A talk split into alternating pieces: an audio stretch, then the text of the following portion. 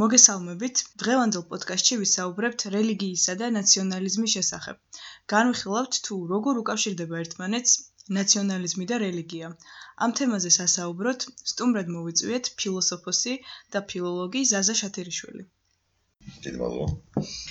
პირველ რიგში დიდი მადლობა ბატონო ზაზა რომ აქვთამთით გვესაუბრა ამ თემაზე.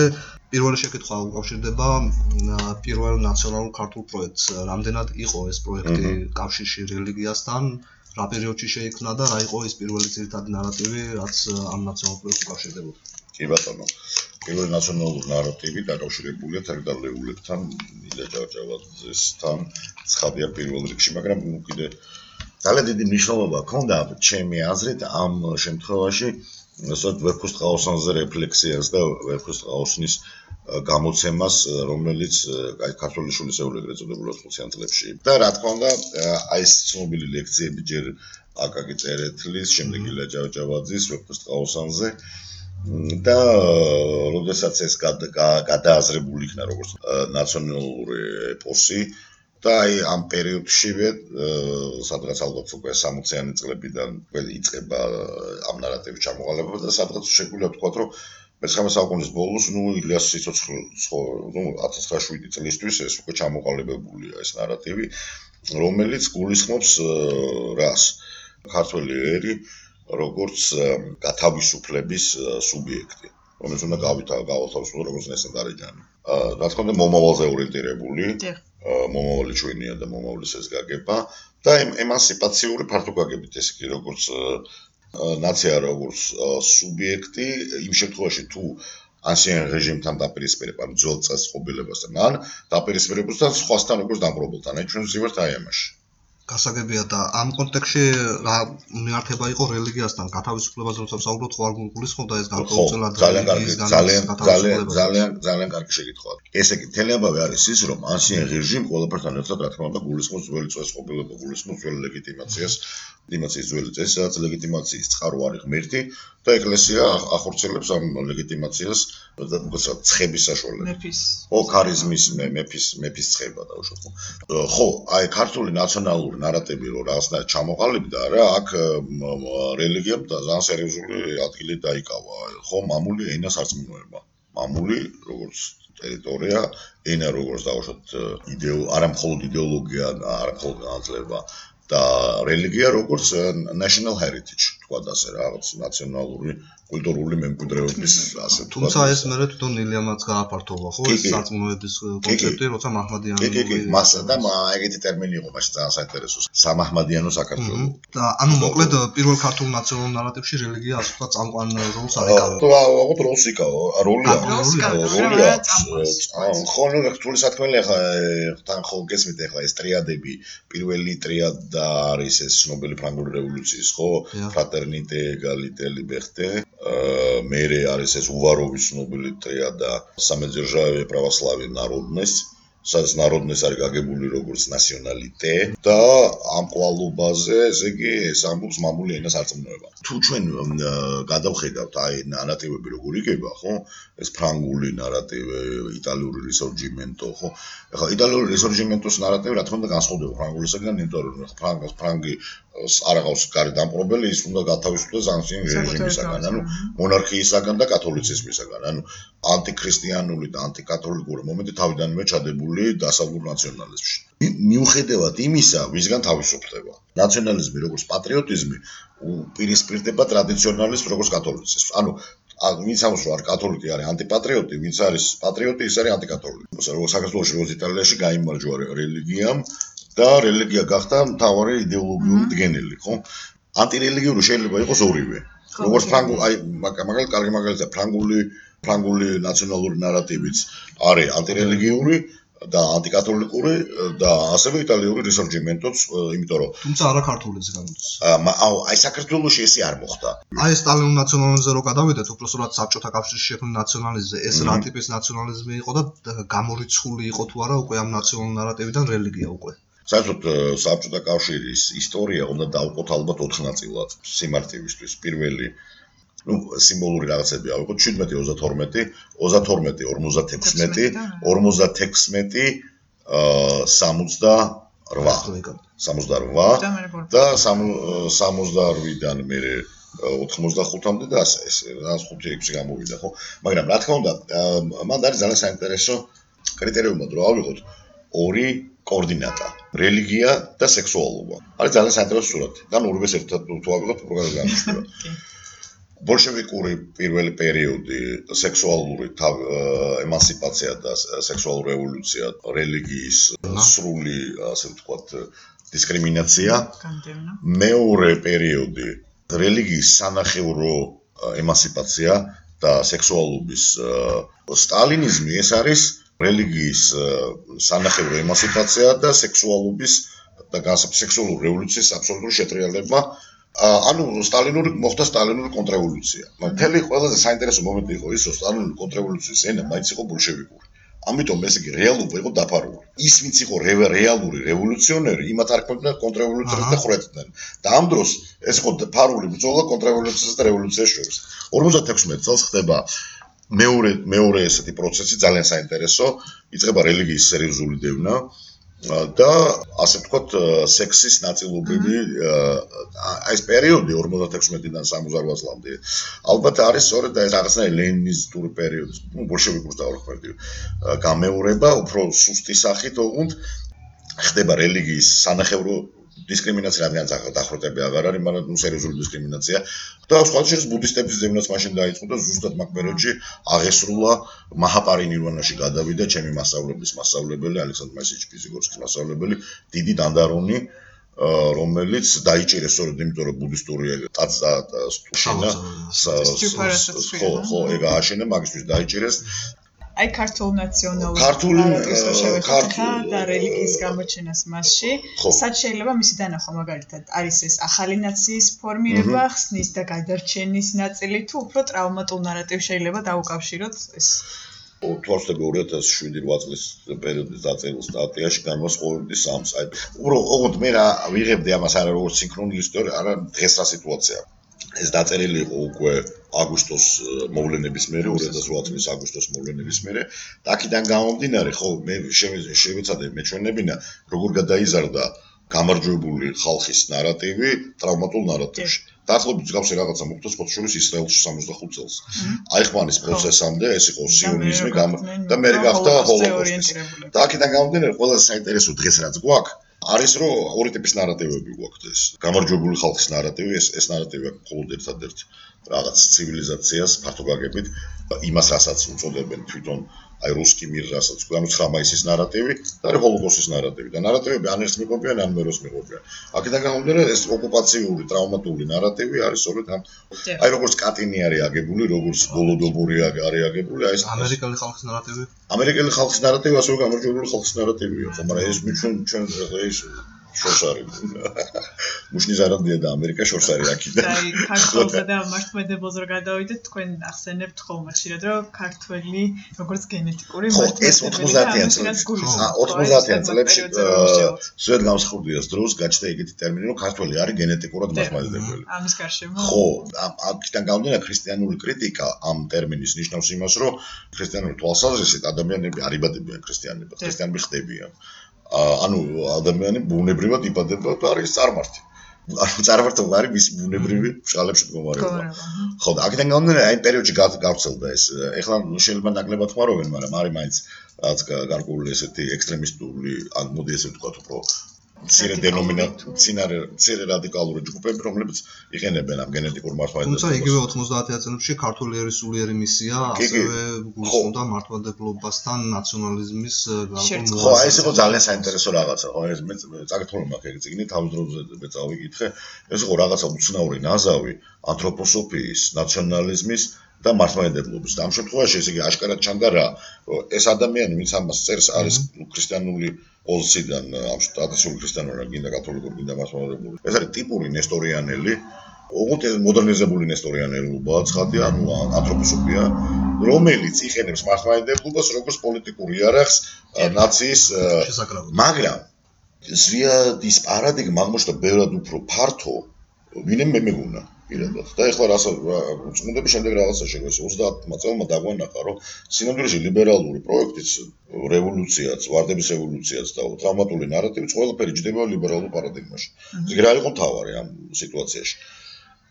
ნებისმიერ ნაციონალურ ნარატივს ჭირდება მტერი, ან ძვილი, ან თანამედროვე. ფრანგული ნაციონალური ნარატივის მტერი, როგორც ასეთი არის ანშენ რეჟიმ, მონარქია როგორც ასე ვთქვათ, წარსული და კათოლიციზმი როგორც აწყო. მეორე ტიპის პერი შეიძლება იყოს ნებისმიერი სხვა ნაციონალიზმი. ან იმპერიული ნარატივი.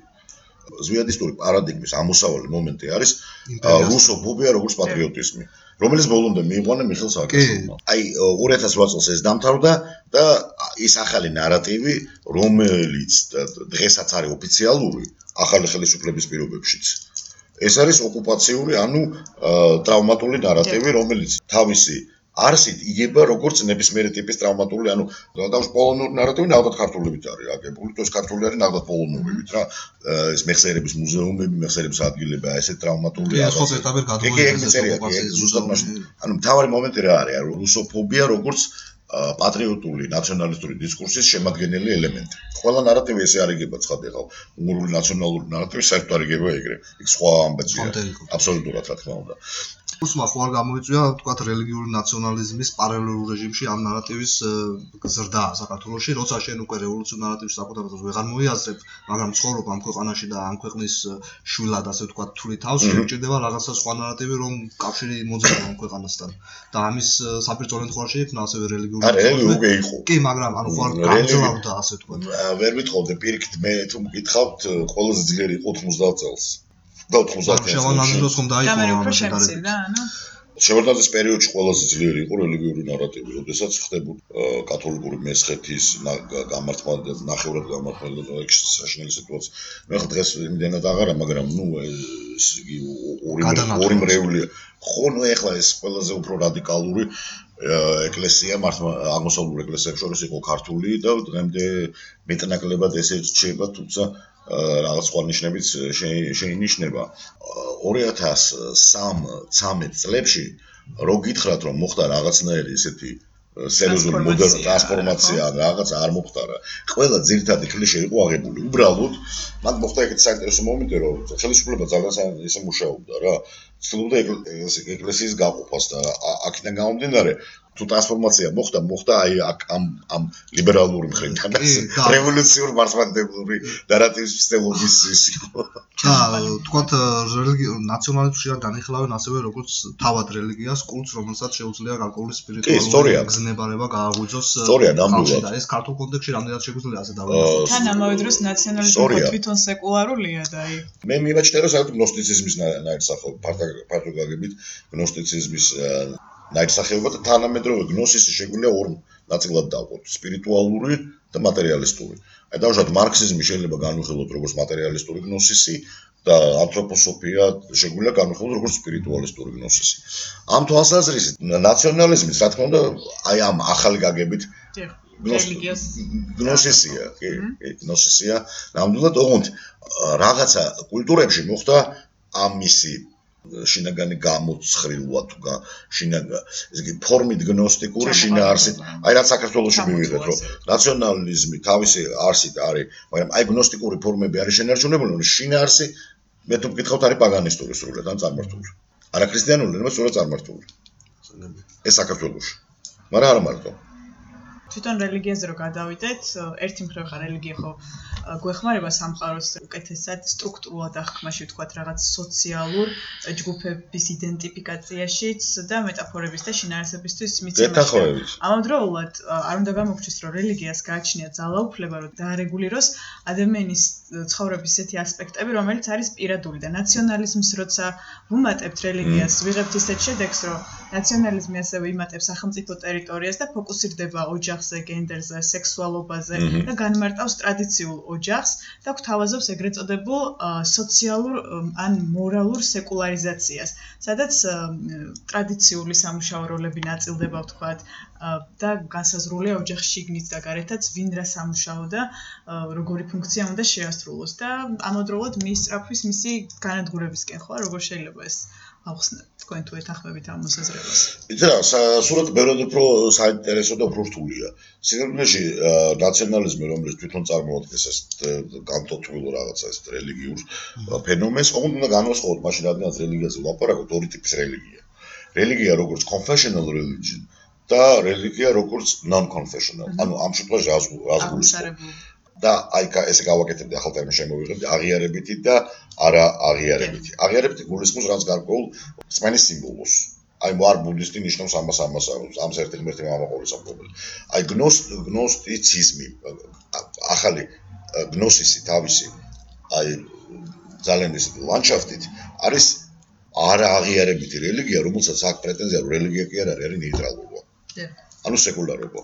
და სინოში არ არის სეკულარობა, არ არის ის არის თვითონ არის რელიგია, რომლის რელიგიაც არის სეკულარიზმი და აქ თავისი წმინდა ადგილები მარსელიოზა, იქ რა ქვია, ბასტილის აღება, ასე შემდეგ, ხო? თანამედროვე დებატებს რო გადმოვიდეთ, რელიგიის პრივატიზაციის პროცესში, ან ხო, ან როგორც კაზანოვა ამბობს, მაგალითად, რომ რელიგია უფრო და უფრო გადმოდის პირადულ სივრცეში და ტოვებს ამ დიად საჯარო სივრცეებს და ადამიანები ხდებიან მეტად სულიერებაზე. ოღონდ ეს თვითკმარია მათთვის, უკვე აღარ სჭირდებათ საჯარო ინსტიტუტები და ეს რელიგია იძენს პრივატულობას და ხდება მეტად სპირიტუალური და ორიენტირებული ამ შინაგან სამყაროზე და როგორ ხედავთ ან მომავალში რელიგიის და ნაციონალიზმის კავშირს, თუ თქვათ კაზანოვას ეს მოდელი ესე ფუნქციონირებს. კაზანოვა ძალიან კარგი ავტორია, მაგრამ მაინც არის დამოკიდებული ისე ძალიან სერიოზულ მოზრონეზე, როგორც არის ჩარლს ტეილორი. და ამ შემთხვევაში მე ვიტყოდი secular age, თუ გვინდა აი მთელი მთელი სპექტრი მიდგომებისა, რომელსაც სამყაროებს უწოდებს, ხო? ჰაიდეგერის კვარტა კვალტა კვალ. ნუ ერთ-ერთი არის მაგალითად closed wall structure, ხო? სადაც ტრანსცენდენტური არ შემოდის, არა? და რომელიც არის დამახსენებელი სწორედ თანამედროვე, აი ღია საზოგადოება, როგორც ჩაკეტილი ჩაკეტილი სამყარო, ნუ ლიბერალური დემოკრატიული ღია საზოგადოება, როგორც სწორედ ჩაკეტილი სამყარო ტრანსცენდენტური თვალსაზრისით. ანუ ტრანსცენდენტური საშემოშოების თვალსაზრისით, ხო? აი თქო რომ მეუბნეთ რელიგია და ნაციონალიზმი. აქ არის ძალიან საინტერესო მომენტი, რა ხდება, იცით? ჩვენ ჩვენს მოწერ ხდება ლიბერალური პარადიგმის და ნაციონალური პარადიგმის რღვევა. რომლისაგანაც ალბათ არ შეება ისეთივე ფრაგმენტები, როგორც ნაციონალურსაც მათ შორის. რა თქმა უნდა, იმიტომ რომ ლიბერალური და ნაციონალური მოუცილებელი ერთი მეორისაგან. ამბობენ რომ ნაციონალ ანუ თითქოს ამით მემარჯვენე ნაციონალიზმის აღზევებაზე იცი რა არის უყურეთ რა არის ჩვენ თუმცა ესე ვლაპარაკობთ ესე იგი როგორ აღარ ეს პარადიგმის შიგნიდან ვლაპარაკობთ. აი გარედან თუ ვლაპარაკებთ, ეგ ძალიან კარგად გამოჩნდება რომ ლიბერალური უტოპიური პროექტი სამ რაღაცას ეყრდნობოდა. ერთ შემთხვევაში ეს იყო რასა როგორც უტოპია, კლასი როგორც უტოპია და ეხლა ჯენდერი როგორც უტოპია. მაგრამ აი ეს მთლიანად იშლება ეს ყველაფერი ჩვენს თვალწინ დღეს. ამიტომ რომ ამბობენ რომ პოპულისტები და ნაციონალისტები თანმართალე თანმართალე არ არის. მე ესე ვიტყოდი რომ ესენი არიან მესაფლავეები, როგორც მარქსი ითხოვდა, როგორც პროლეტარიატი არის ბურჟუაზიის მესაფლავე, მაგრამ თავის თავის გადააყოლა ხო ამას. ანუ სისტემა მოიშალა. ასევე იშლება მთლიანად ეს სისტემა. მე ამას ძალიან სერიოზული საუბრისა და მართლა გართული რაღაც სისტემა მე მგონია რომ ახალი გნოსისი თავისი მატერიალისტური ფაზიდან გადადის სპირიტუალისტურ ფაზაში. აი ეს ეტაპი უკვე არის პოსტსეკულარული აშკარად. სადაც ყველაფერი გამოჩნდა როგორც ყველაფერი გამოჩნდა როგორც რელიგია. აჩურის ნაციონალ ყველაფერი როგორც თავისი რელიგიური სახეა ჩვენო ყველაფერმა ცივილიზაციური წანაცვლება ხდება მოკლედ ანუ მე ვიტყოდი მე ამას შევადარებდი ბოეცინუსის შემდეგ როდესაც ჯერ არ მოსულა თომა აკვინელი ეს არის მე-6 მე-7 მე-8 საუკუნეები. როდესაც ერთი ცივილიზაცია დამთავრდა, ბერძნულ რომაული და ახალი დასავლური ცივილიზაცია, რომელიც არ არის ამისი გაგრძელება. ანუ არის სულ სხვა ცივილიზაცია, მაგრამ ქრისტიანული. ანუ ბარბაროსები მოდიან. აი ახლა არის ახალი ბარბაროსების დრო, ოღონდ როგორი ბარბაროსები, არის ორი ტიპის ბარბაროსი. ერთი არის გარეგანი ბარბაროსი, მეორე შინაგანი ბარბაროსი. გარეგანი ბარბაროსი ყველამ იცით, შინაგანი რომელია? შინაგანი არის აი როგორც მაგალითად ეგრეთ წოდებული აღდგომის კუნძულზე რაც ხდება. აი ეს ქანდაკებები მათმა წინაპრებმა ააშენეს, მაგრამ მოხდა განათლების რეფორმა და მათ დაკარგეს მეხსიერება. მეხსიერება დაკარგული ხალხია, შინაგანი ბარბაროსები ამ შემთხვევაში. რა თქმა უნდა, როგორც კავაფისა აქ აღწერილი არ მოვიდნენ, თუ თვითონ არიან. მე ესე ვიტყოდი, იდეოლოგია რა არის, ყალბი ცნობიერება. ყველა ვინც არის აი ამ გნოსისის ხო, როგორც მარქსი იტყოდა და ანუ პირველ რიგში ჩვენ უნდა გავათავისუფლოთ ექსპლუატატორი. და დღეს რადგანაც შრომიდან გადასულია ეს ყველაფერი სხვა სივრცეში, ანუ აი ამ დისკურსების ფლობის და მედიალურია რა. ვისაც აქვს ყველაზე დიდი გავლენა, ის არის ყველაზე უფრო ექსპლუატირებული, ანუ ყველაზე უფრო ჩაგრული. ბურჟუაზიის პრობლემა რა არის? ბურჟუაზიას უნდა პროლეტარიატს იმიტომ შეუულია ბურჟუაზიის გათავისუფლება, რომ პროლეტარიატი არ არის ილუზიის წყობაში, მასა იდეოლოგია, ვის იდეოლოგია, ბურჟუაზიის იდეოლოგია. ისმით აქედან გამომდინარე ვინც ვის ვინც ახლა ყველაზე ვინც ყველაზე მეტად არის ვინც ყველაზე გავლენიანია ის ყველაზე მეტყუებაშია ხო პარადოქსულად. და ინსტიტუციური რელიგიები მაინც განაგრძობენ არსებობას, ესე იგი თქვენი აზრით ამ ახალ ცივილიზაციაშიც რომელიც რა ხა მე ვერ ვიტყვი ყველა ინსტიტუციურ რელიგიაზე, მაგრამ კათოლიკე ეკლესია ხო? კათოლიკე ეკლესია ადამიანის შექმნილი არ არის და ამიტომ ჭერი ჯოჯოხეთისანი მას ვერ შემოსრავა და იქნება მეორედ ბოსტონდე. დანარჩენებს პასუხს ვერ ვაჯებ. თუმცა ასე თუ ისეა საბოლოოდ იმაზე მაინც ალბათ ყველა თარდება იგივე ჩვენს მე ნახსენები ავტორი ტეილორი კაზანოვა თუ ნებისმიერი ვინც ამ სფეროში მუშაობს რომ დღესდღეობით რელიგია დაბრუნებულია მძრავად აჯეროსებში და მომავალში კი აბსოლუტურად გათანხმებით მაგრამ ეხლა არის ეპოქა რომელიც აბსოლუტურად სწორად უწოდებენ მას პოსტსეკულარულს იმიტომ რომ ისევე მეორებ რაღაცა მომენტში რელიგიების დაბრუნება კი არ მოხდა რომ ის ფორმა რაც გვეგონა ნეიტრალური არ არის სინორი ნეიტრალური კი არის ის რელიგია. არა მარტო ათეიზმი არის რელიგია და აგნოსტიციზმი არამედ მთელი რიგი სეკულარული ინსტიტუციური ფორმებისა ასევე არის რელიგიური. ოღონდ არა ჰეგელიანური ენა რო გამოვიღენოთ არა რეფლექსირებადი რადგან თვითონ ტერმინი რეფლექსია უკვე მოძველებულია ამ აზრით. მე რო ვთქვი აღიარებადი არა აღიარებადი, ხო? აი ძველად ვიტყოდი რეფლექსიური რელიგიები, ანუ რელიგიებს რომელთაც ესმით თავენთი რელიგიური ბუნება და რელიგიები არა რეფლექსიური, რომელთაც არ ესმით თავენთი რეფლექსიური ბუნება. აი ეს პერიოდი ზუსტად აი მე ვიტყოდი 2011 წლიდან დღემდე.